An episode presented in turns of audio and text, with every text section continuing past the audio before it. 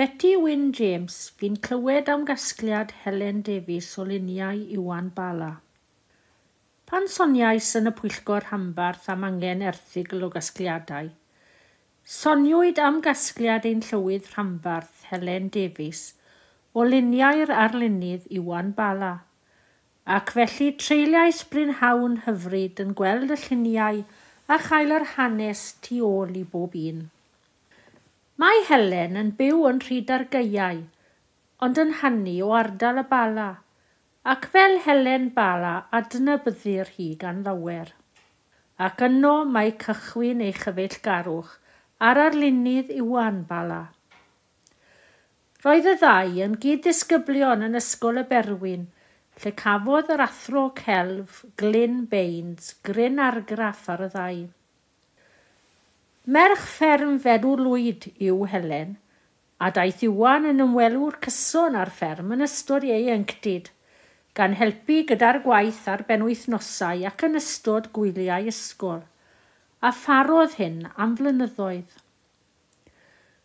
Wedi gadael ysgol, aeth y ddau i golegau mewn gwahanol rannau o'r wlad. Aeth Helen ymlaen i hyfforddi fel athrawes – a chael swydd yn ysgol Llanhari.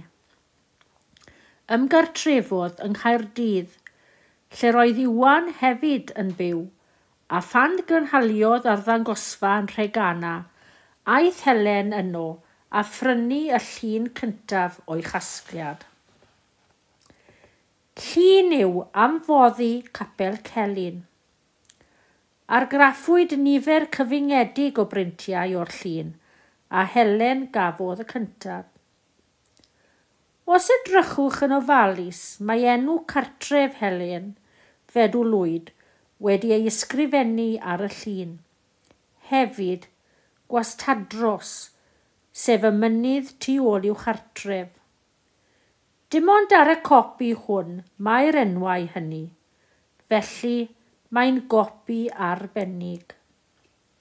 O fanna, dechreuwyd casglu'r lluniau ac yn araf deg ail gynnau'r cyfeillgarwch a dilyn gyrfa Iwan drwy ymweld ag orielau, arddangosfeidd ac ati.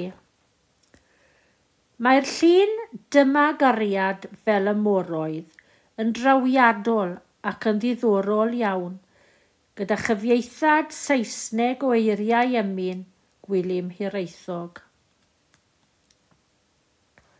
Mae dau lun yn cyfleu pwysigrwydd enwau llefydd i'r arlunydd. Un o'r lluniau yn dangos enwau ffermydd ardal y bala gyda'r neges. Translation is impossible. Lose a name. Lose history. Eto mae cartref Helen ar y llun hwn. A hefyd ar y llun o bum plwy penllyn a beintiwyd go gyfer ac Eisteddfod Genedlaethol Meirion a'r Cyffiniau 2009 yn y Bala. Mae gweld yr holl enwau hyn yn hynod o drawiadol. Adeg streic y glowyr peintiwyd y llun hwn ac mae'n ffurf ar lliwiau yn cyfleu tlodi enbyd cymoedd y de ar yr adeg honno.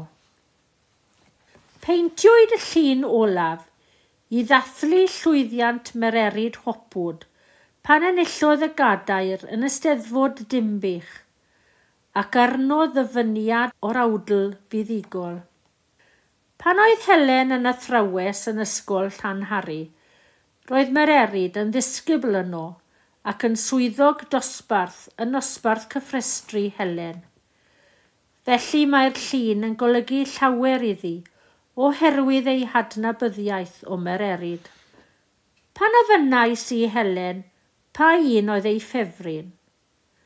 Cofiwch drywerin oedd yr ateb.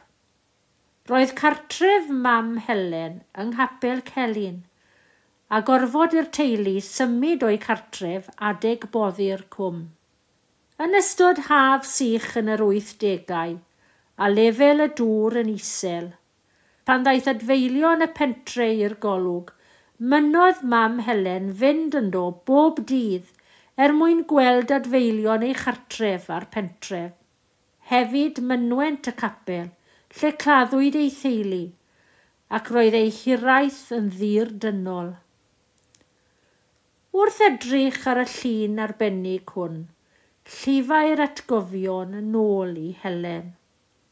Diolch i Helen am rannu ar ei hanes ei chasgliad i ni, a diolch hefyd am y croeso ar adeg anodd iawn. Cydymdeimlwn a Helen a'r teulu, ar farwolaeth ei gŵr hiw fus Mehefin.